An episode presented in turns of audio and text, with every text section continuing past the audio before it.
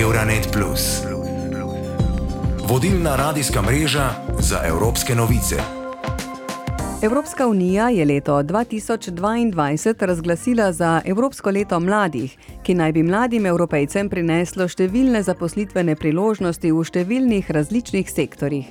Epidemija COVID-19 pa je močno prizadela prav mlade in je neposredno vplivala na njihove zaposlitvene možnosti.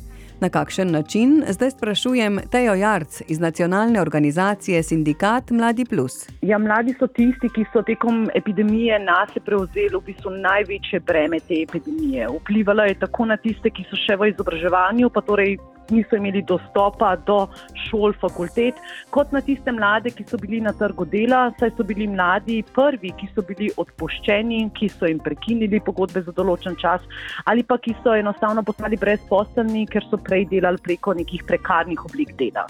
In ravno zato, ker tudi Evropska unija prepoznava, da so mladi prevzeli torej ta večji del bremena nase, je leto 2022 razglasila za Evropsko leto mladih, da bi se prepoznale te stiske, zato da bi se se oblikovale politike, ki bi mladim olajšale to okrevanje po epidemiji.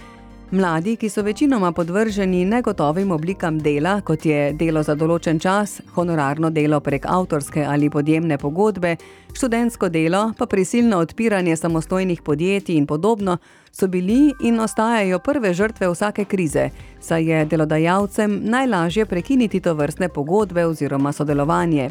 Katere pa so težave, s katerimi se mladi največkrat srečujejo pri vstopu na trg dela? Teja Jarc. Veliko krat se mladim očita, da so um, premalo kompetentni, da nimajo delovnih izkušenj, kar je seveda absurdno, ker kako bi mladi sploh lahko pridobili prve delovne izkušnje, mm. delovno dobo, če pa se jim te priložnosti ne omogoča.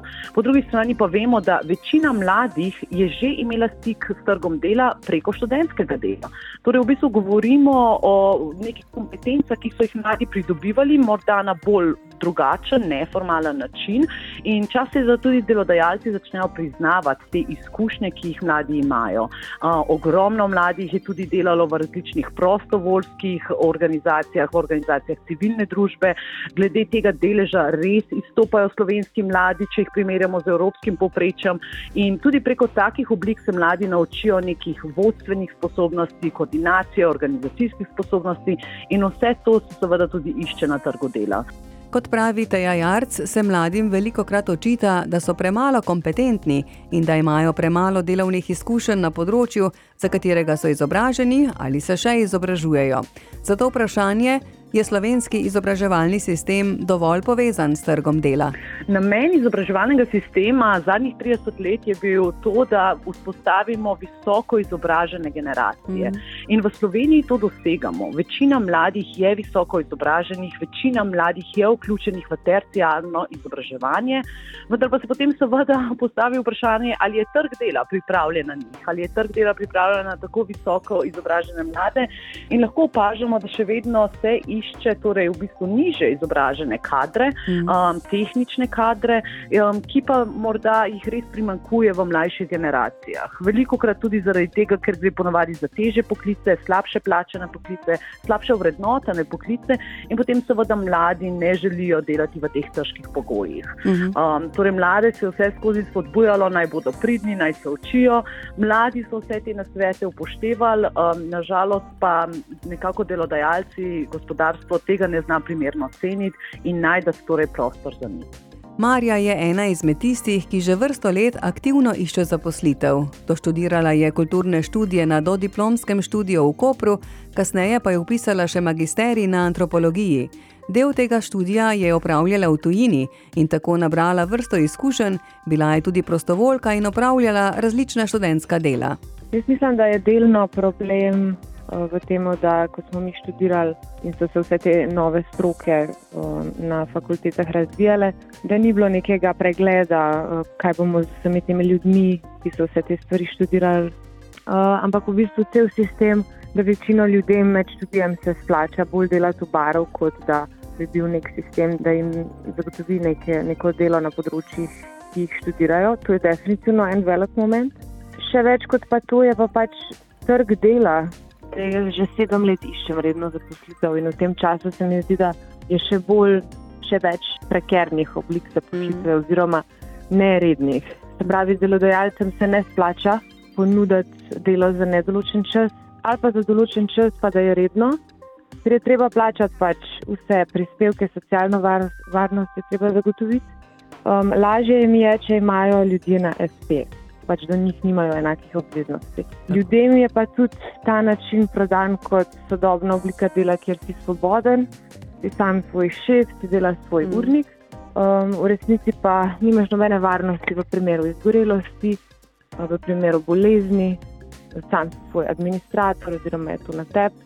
In seveda, kot je pokazal COVID, če je tvoja dejavnost v kulturi, v turizmu, v čemarkoli, kar se je recimo v času COVID-a zaprl, gubiš na rešnike in ne moreš čez mesec.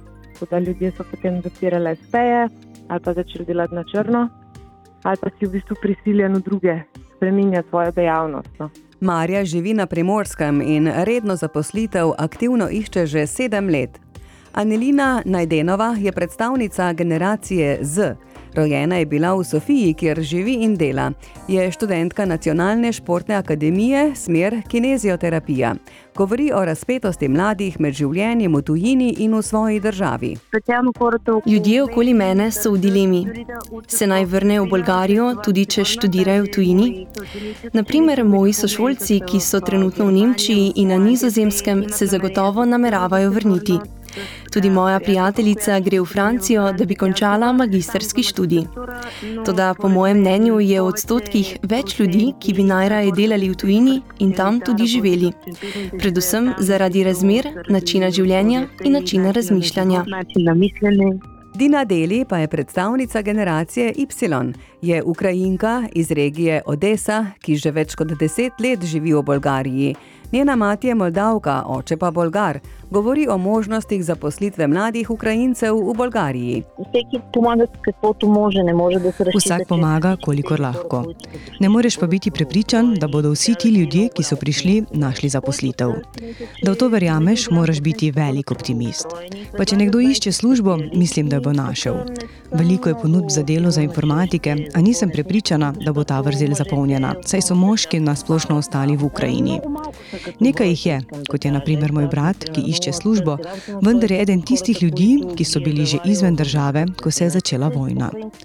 Ukrajinci so pridni ljudje. Nekaterim ljudem okoli sebe tukaj, v Bolgariji, poskušam razložiti, da so to ljudje, ki so delali, ki so imeli življenje, socializacijo in so nekaj dosegli. Nekateri od njih imajo naprimer posel, ki morda ni tako velik, vendar so ga imeli. In nenadoma začneš iz nič, z negotovostjo, strahom, kaj se bo zgodilo. Pred vojno so prihajali v Bolgarijo študirati ljudje iz moje dežele. Prav tako so iskali službo, ki ne zahteva nobenih strokovnih znanj. Naprimer v kavarnah, razdeljevanje letakov ali delo v trgovinah. Sezonsko delo na morju ali v smočiščih je bilo in je še danes. Ljudje, ki zdaj prihajajo sem, pa že imajo poklice in bodo naredili vse, samo da bi se lahko preživljali. Klara Avsec je nekdanja novinarka večera iz Maribora, zdaj stanuje na švedskem. Takole je povedala o svoji izkušnji pri iskanju zaposlitve. Mislim, da je, ko gre za zaposlovanje mladih, še vedno zelo veliko vprašanj. Najprej glede splošne socialne varnosti, na to tudi širšega odnosa, ki ga imajo ljudje s konceptom dela. In tukaj lahko primerjam svojo lastno izkušnjo dela tako v Sloveniji kot zdaj na švedskem. Doma, v Sloveniji, je za mlade zelo malo socialne varnosti. Vedno bolj je nedostopen tudi stanovanjski trg. Življenjski stroški so vse bolj nesorazmerni s plačami. In to pomankanje socialne varnosti ustvarja negativen odnos. Ljudje so prisiljeni prodati svoje znanje, da bi preživeli, in to ustvarja anomalije na trgu dela, daje prednost podjetjem in korporacijam. Po drugi strani pa me tukaj, na švedskem, pri mojih vrstnikih najbolj preseneti, kako svojo zaposlitev dojemajo bolj kot dvosmerni odnos. Zelo se zavedajo ravnoteže med poklicom in zasebnim življenjem. Veste, Na vse zadnje vsi prodajamo ali delamo, seveda pa gre samo za to, da se zavedamo, kakšne kompromise sprejemamo.